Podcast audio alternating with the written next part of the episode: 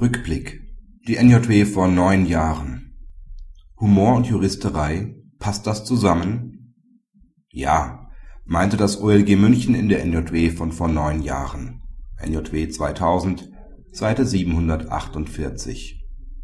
Etwas Humor, zumindest aber Gelassenheit, könne auch von den Streitparteien einer Familiensache erwartet werden. Mit dieser Begründung lehnte es den Befangenheitsantrag gegen einen Richter ab der auf den 11.11. um 11.11 Uhr terminiert hatte. Wenn sich ein Richter diesen kleinen Scherz erlaube, so sei das für eine vernünftig denkende, gelassene Partei kein Grund, an der Unvoreingenommenheit des Richters zu zweifeln. Auch das Nachbarrecht eigne sich hervorragend für Humoristisches, findet Markus Würdinger.